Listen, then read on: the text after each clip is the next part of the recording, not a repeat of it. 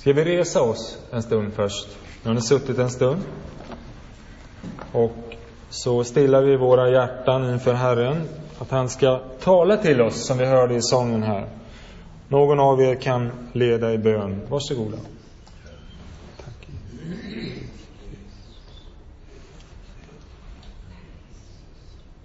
Tack Jesus för att du är med oss här idag. Denna viktiga dag i vårt land. Du vet våra tankar och våra böner här, för de går just nu här. Men framför allt att ditt ord ska ha framgång i våra liv och i våra hjärtan idag. Käre Gud, gör oss stilla inför det ord vi ska lyssna, Herre. Och få höra din röst, Herre. Kom till oss, Herre. Kom med en förändring i våra andliga liv, Herre. I vår relation med dig, Herre. Och framför allt i vårt böneliv, Herre. Låt ditt ord ha framgång hos oss idag, Herre. Låt Golgatas seger bli en seger, Herre, som kommer över vårt land, Herre, med väckelse, Herre. Käre Gud, jag ber dig. Du vet hur, vårt, hur våra böner idag riktas Ja. över vårt land i denna viktiga dag, Herre. Käre Jesus, håll dina händer över oss i den här församlingen just idag och över hela vårt land idag, Herre. Förbarma dig över oss. Låt oss få uppleva din nåd, Herre. Både här idag på mötet och över våra egna liv, Herre. Att du får tala till oss, Herre. Och att det sjunker djupt ner i våra hjärtan, Herre. I Jesu namn, låt din Ande vila över detta möte, Herre. Amen.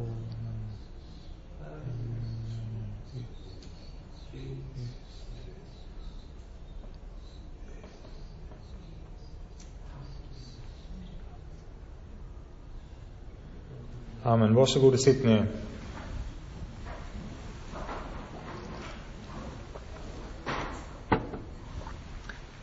Vi har ju inlett en serie eh, som heter De tio viktigaste bibelsammanhangen.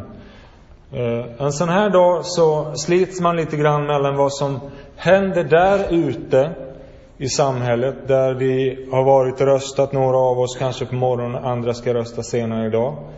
Men jag kände ändå att jag ska inte beröra det i någon större utsträckning i förkunnelsen här. Vi började förra gången med Johannes 3 och 16 va? Så älskade Gud världen att han utgav sin enfödde son, så att var och en som tror på honom inte ska förgås utan ha evigt liv. Nu hoppas jag att ni kan den. Den behöver ni ha i ert maskineri här nere, kan ni plocka fram den. Nu ska vi gå vidare. Och jag sa när jag började den här serien, för jag har haft den både här och i Jönåker, så att det här blir riktigt bra att ni är här allihopa idag. Ehm, jag sa att när vi har kommit fram till nummer 10 i serien så kommer vi att känna att Ja men det här då, det här då, det här då. Jo, det kommer saknas saker. Men någonstans måste man börja. Och var det så att vi var tvungna att välja vilka bibelställen vi skulle ha kvar.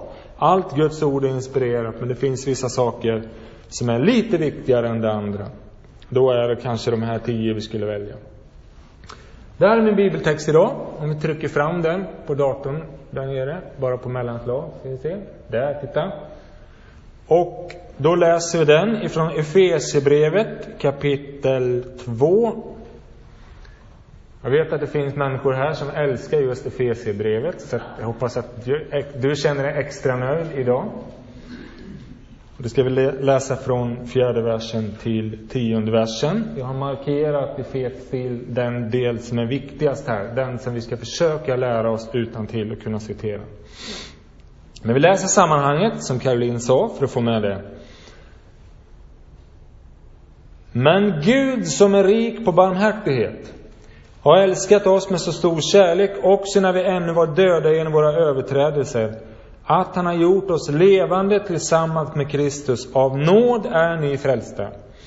Ja, han har uppväckt oss med honom och satt oss med honom i den himmelska världen i Kristus Jesus för att i kommande tider visa sin överväldigande rika nåd genom godhet mot oss i Kristus Jesus. Ty av nåden är ni frälsta genom tron, inte av er själva. Guds gåva är det, inte på grund av gärningar för att ingen ska berömma sig. Ty hans verk är vi, skapade i Kristus Jesus till goda gärningar som Gud har förberett så att vi ska vandra i dem. Amen. Jesus, vi ber om ljus över det här vi har läst.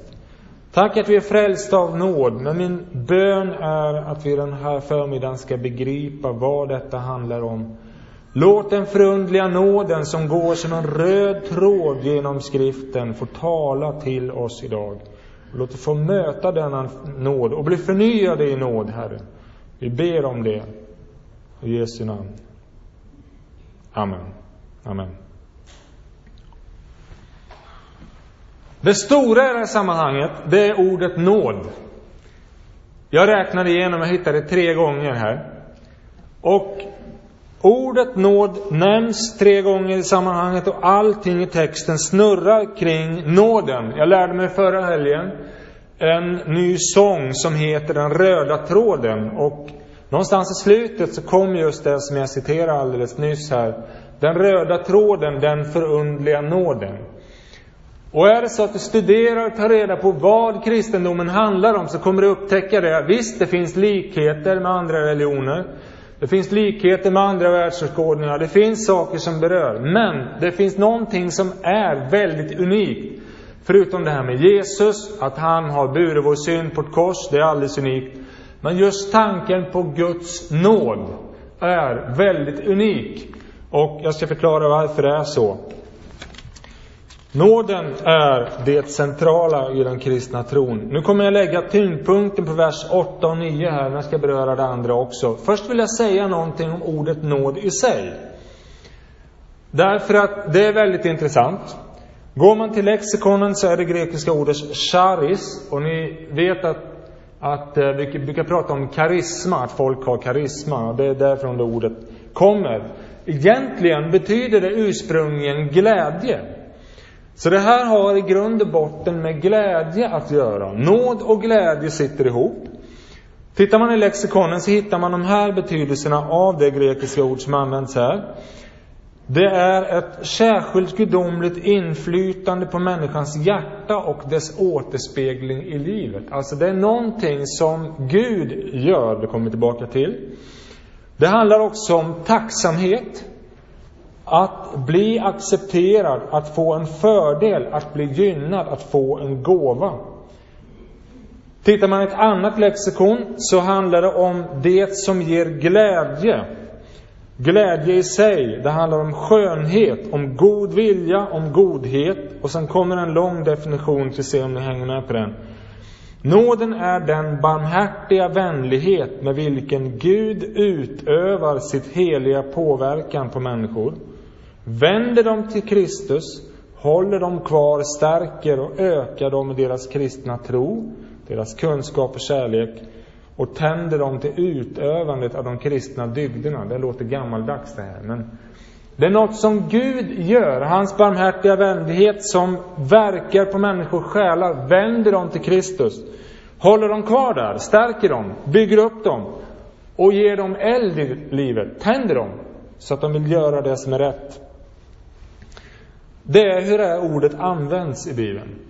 Om du tittar på Ty av nåden är ni frälsta genom tron, inte av er själva, Guds gåva är det.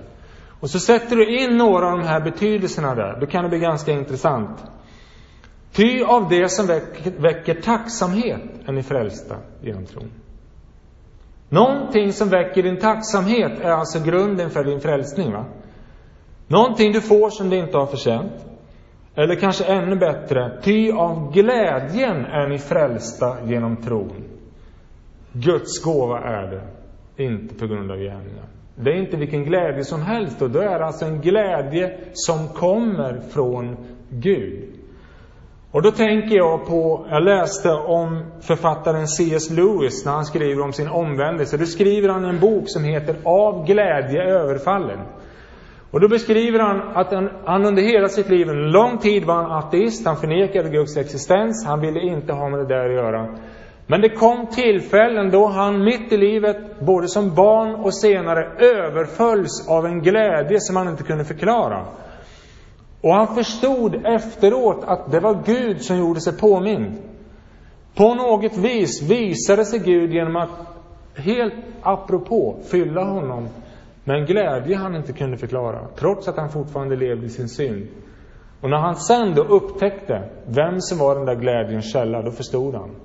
Så han hade tyckt att det var en bättre eh, variant av den här. Ty av glädje är ni frälsta genom tro, inte av er själva. Och det här vill jag komma tillbaka till. Mina vänner, tron på Gud och frälsningen, kristendomen, har väldigt mycket med glädje och tacksamhet att göra.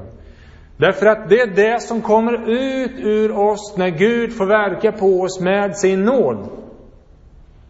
Nåd, glädje, tacksamhet. Detta hör ihop. Man kan också ta den här varianten. Ty av den barmhärtiga vänligheten hos Gud är ni frälsta genom tron, inte av er själva.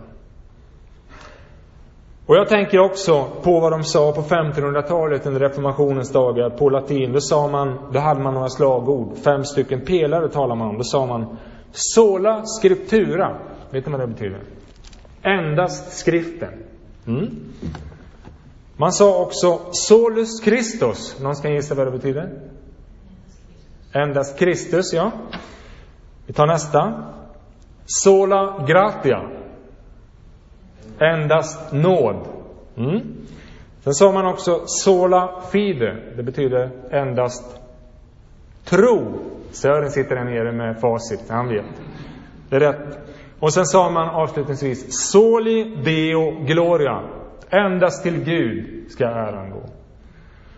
Man hade med det här, endast nåd. Sola gratia. Ordet gratia är latin, det betyder gratis. Eller rättare sagt betyder det inte gratis. Vårt ord gratis kommer därifrån.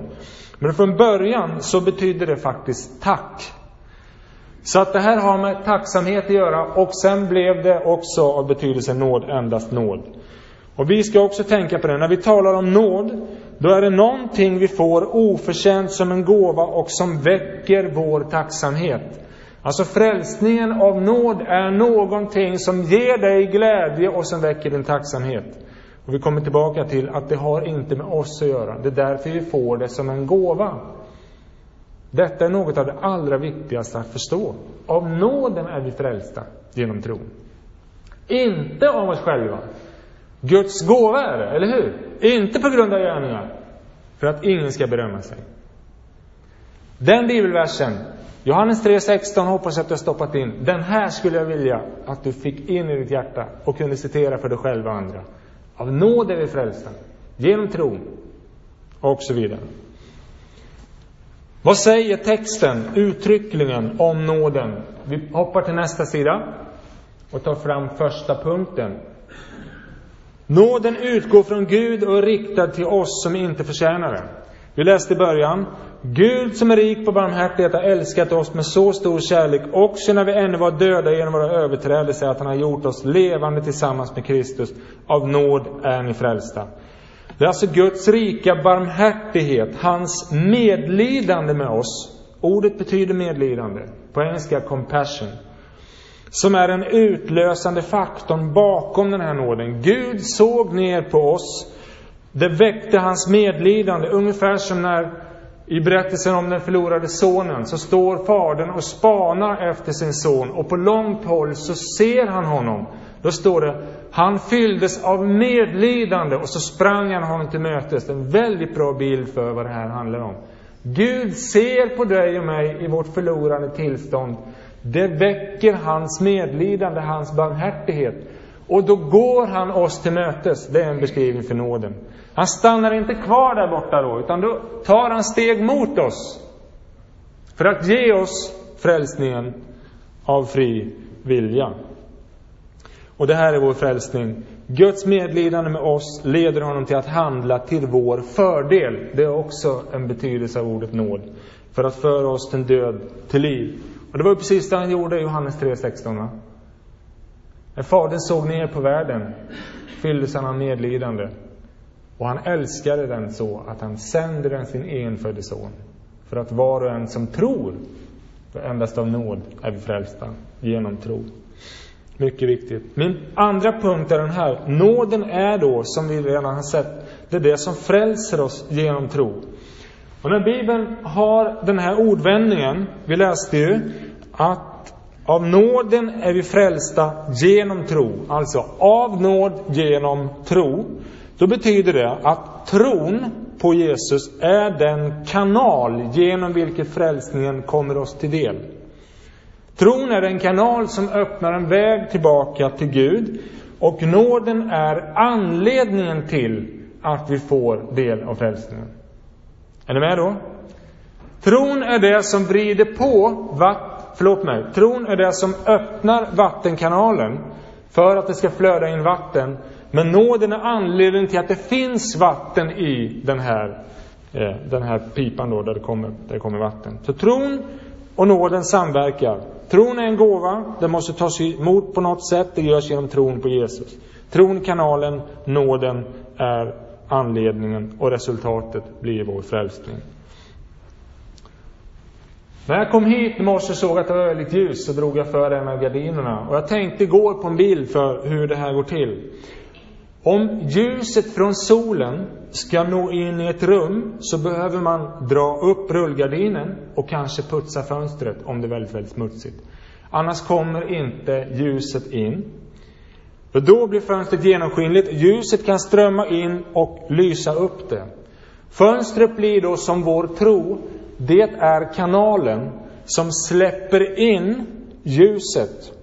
Och ljuset kommer mot fönstret därför att solen lyser. Va?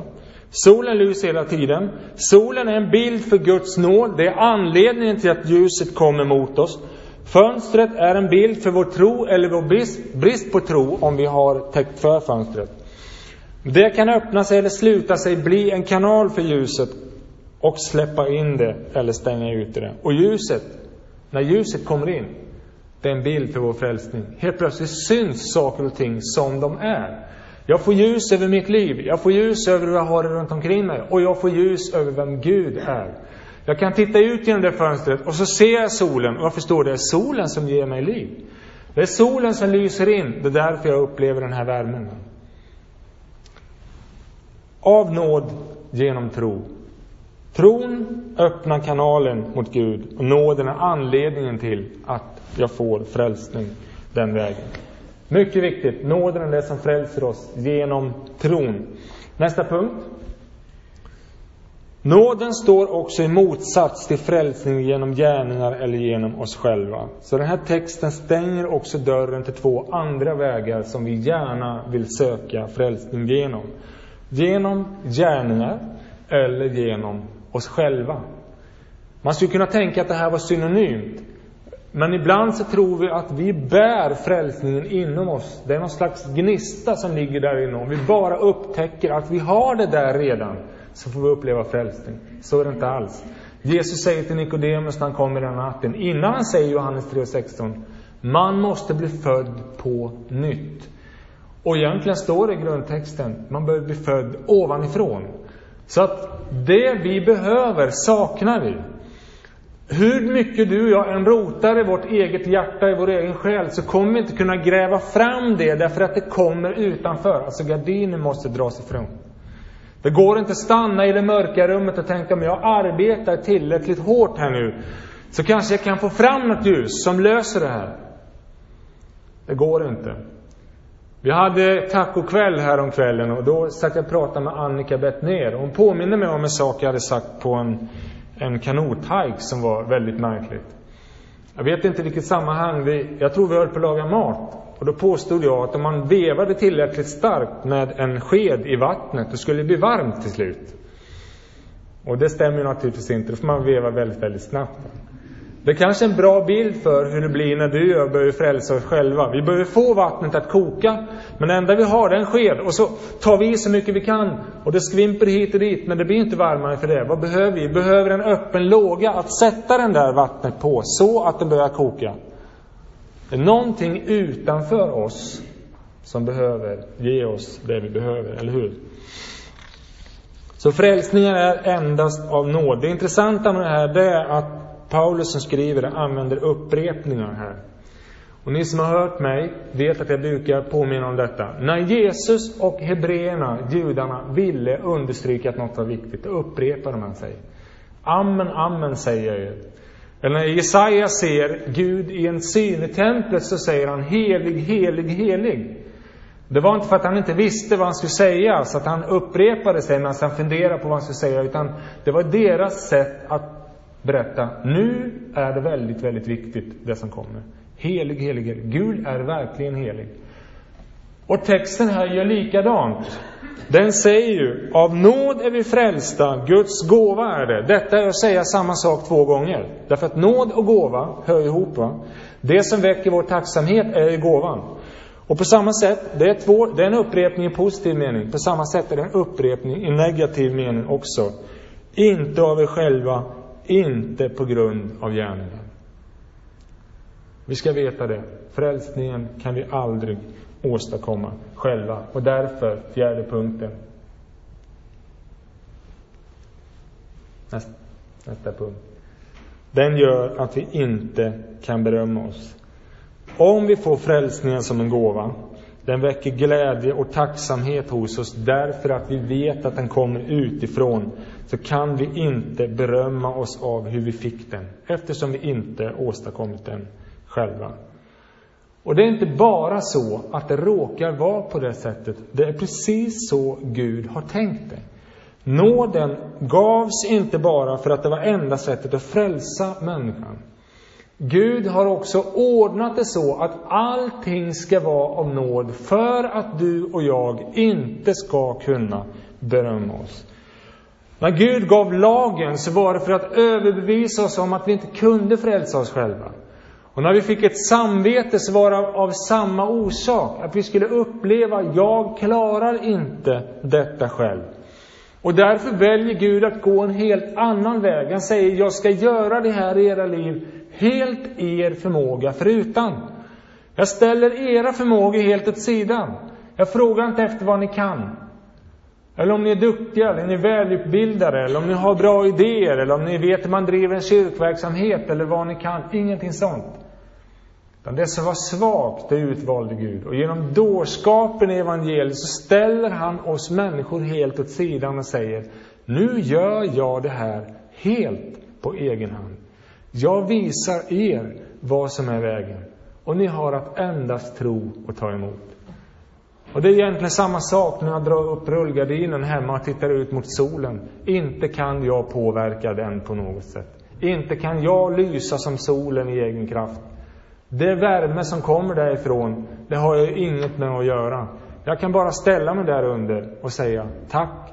Ja, jag ska inte tillbe solen, det är inte det jag menar. Men jag tar emot det ljuset som kommer därifrån. Så är det med Guds nåd. Det sker helt utan vår medverkan. Och därför kan vi inte berömma oss. Och det här gör följande, nästa punkt. Nåden gäller nu och ännu mer i framtiden. Vi ska veta det. Livet med Jesus är ett liv som börjar i nåd och som sen fortsätter i nåden. Det ska vara präglat av nåden. Och när vi säger i kyrkorna till varandra att allt är av nåd, då är inte det bara en klyscha, för det är precis så det ska vara. Vi ska växa i nåd och kunskap, säger Petrus, om vår Herre Jesus Kristus. Det är inte så att nåden är något som kommer oss till del just när vi behöver hjälp och frälsning. Den är också fortsättningen. Om Jesus är porten in, så är vägen som kommer sen en nådens väg. Där vi mer och mer kläs av våra egna förmågor och mer och mer får lita på den förundliga nåden, för det var den som var den röda tråden. Från pärm till pärm i Bibeln så visar Gud detta. Det är nådens väg som gäller, där jag gör allt. Vi läste här, han har uppväckt oss med honom och satt oss med honom i den himmelska världen, i Kristus Jesus. Varför då? Det här talar om vår omvändelse. När vi har blivit omvända, då får vi ett nytt liv, vi är födda på nytt.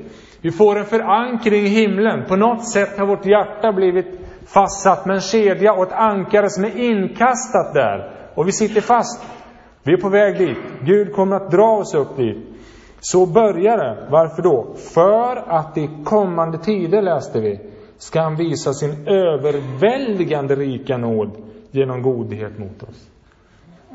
Nåden möter oss inte bara i omvändelsen, när vi tar emot Jesus. den växer sen också. Allting blir en fråga om nåd. Och ju mer du och jag lär känna Jesus Kristus, ju mer kommer vi att se detta. Det har ingenting med mig att göra. Han har gjort allt. Det börjar med nåd och det fortsätter med nåd. Och det slutar med nåd. För hans nåd var morgon ny, eller hur? Det har vi läst och sjungit om. Nästa punkt. Vi kunde inte frälsa oss med gärningar, säger texten. Det är helt omöjligt. Ingenting vi gör, vare sig det är religiöst eller annat, kan på något sätt göra att Gud älskar oss mer och vill frälsa oss. Det som händer är att Gud väljer istället att låta nåden verka i oss så att vi förbereds därefter för att göra goda gärningar. När vi har fötts på nytt och blivit nya skapelser genom Kristus, genom tron och av nåden, så föds en ny vilja i oss att göra det som är gott. Och det förundliga är att Gud ligger steget före och förbereder för oss de goda gärningar vi ska göra efter vår omvändelse. Drivna av Guds ande, kan vi då göra det som vi misslyckades med förut? Innan vår omvändelse, då trodde vi att om jag gör så här, då får jag en bättre relation till Gud. När vi gav upp det och upptäckte att nåden var det enda som kunde föra oss genom den här, det här nålsögat. Och när vi kom ut på andra sidan fyllda av glädje och tacksamhet, då säger Bibeln, då kommer Andens frukter helt plötsligt. Kärlek, glädje, frid, vänlighet, tålamod, självbehärskning. Allt det där som utgör de goda gärningarna, som Gud egentligen hade velat se hos oss, men vi inte kunde producera själva. Det är det här som är att leva i nåden.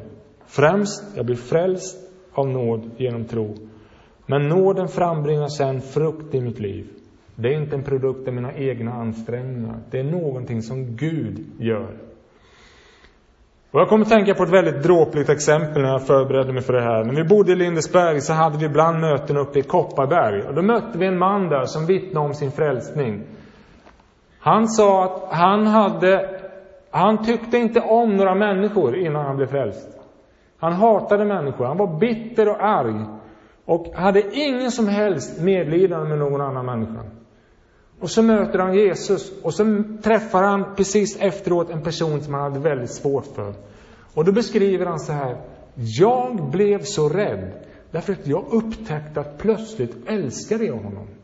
Och jag kunde inte förklara varför. Det är när nåden verkar i en människas liv. Då blir helt plötsligt det som är omöjligt för dig och mig, det blir möjligt därför att det är Gud som verkar. Och när vi vandrar i sånt som vi brukar kalla förutberedda gärningar, det är det vi säger när vi läser den här texten, då är vi medvetna om att varje framsteg är en produkt av den förundliga nåden. Det är Gud som har gjort det. Jag ser att jag har förändrats, men jag förstår det är inte jag som har gjort det, det är Gud som har gjort det i mig. Plötsligt älskar jag mina barn och min hustru på ett nytt sätt. Jag blir inte lika lätt arg på dem, jag skäller inte på dem, istället har jag tålamod med dem. Varför då? Gud har ju tålamod med mig och jag har fått uppleva det. Plötsligt tänker jag inte bara på mig själv, att hålla allting som jag vill ha för mig själv. Jag delar med mig och jag gör det med glädje. Därför att jag vet att Gud har delat med sig av sin son till mig. Och så vidare och så vidare. Detta är när nåden verkar i våra liv. När det går bra, då vet vi det är nåden som verkar. Och när det går dåligt, då förstår vi att det är vår egen svaghet som är produkten bakom det hela. Av nåd är vi frälsta genom tron, inte av oss själva. Vi såg i början här, om vi tar nästa punkt. Nåden hade också betydelsen tacksamhet, eller det som väcker tacksamhet, eller glädje, och det som väcker glädje. Att leva i nåden, mina vänner, det är att leva i glädje och tacksamhet. Och de här två sakerna behöver finnas i våra liv. Det är inte meningen, min vän, att du som kristen ska gå runt och inte uppleva glädje. Jag kommer ihåg vad jag fick berättat för mig när jag var mycket yngre om min pappas morbror Gideon som ofta stod vid svarven eller vad det var han arbetade med på någon mekanisk verkstad någonstans. Och så mitt under arbetet där så kunde han uppleva när han helt plötsligt fylldes av en överjordisk glädje. Precis som författaren jag berättade om förut. Och jag minns en gång när jag själv var på Nyköpingsbro. Är någon här som har varit på Nyköpingsbro? Vi var där för att köpa godis för många, många år sedan. Och hade tankarna på helt andra saker. Helt plötsligt så gör sig Gud påmind genom att fylla mig med en överjordisk glädje. Jag var tvungen att gå till en av mina vänner och säga halleluja. Så kan det få vara och så ska det vara. Det är meningen, mina vänner, att när vi lever i nåden och är frälsta genom tro av nåd, inte av själva, Guds gåva är det för att ingen ska kunna berömma sig, då ska vi kunna uppleva detta. Vi lever i en ständig glädje och tacksamhet. Vad som än händer där ute och vad som än händer ikväll när valvakan är slut, då ska vi kunna säga pris för Gud, Jesus har frälst mig. Absolut, det där är ett bekymmer. Det där är ett bekymmer. Men jag är glad. Varför då? Den förundliga nåden har fött mig på nytt. Han är med mig. Och Jesus har burit min synd. Jag är så tacksam över detta. Och detta får prägla våra liv, mina vänner. Då blir det en kristendom som är glad. Och det är det bästa sättet, mina vänner, att få med barnen på vägen också. Vad är det barnen behöver? Det är en glad och en ljus kristendom. Vad är det våra barnbarn behöver? Det är en glad och en ljus kristendom. Vill du göra en insats för dina barn och dina barnbarns frälsning? Vad är det främsta du ska göra? Det är att du ska vara glad och tacksam över vad Jesus har gjort för dig. Låta denna glädje och denna tacksamhet fylla dig. De kommer att se det. Och de kommer att uppleva det själva när de ser att de saknar den glädjen och tacksamheten. Vi reser oss. Varsågoda, var inte rädda. Och så ska vi ta nästa bild. Nu ska vi tillsammans läsa den här bibelversen. Och så tar vi den till oss.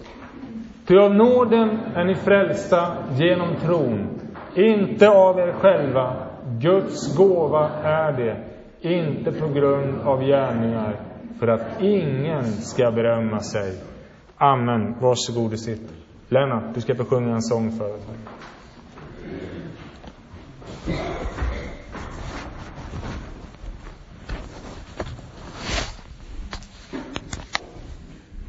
Massa andra tala till mig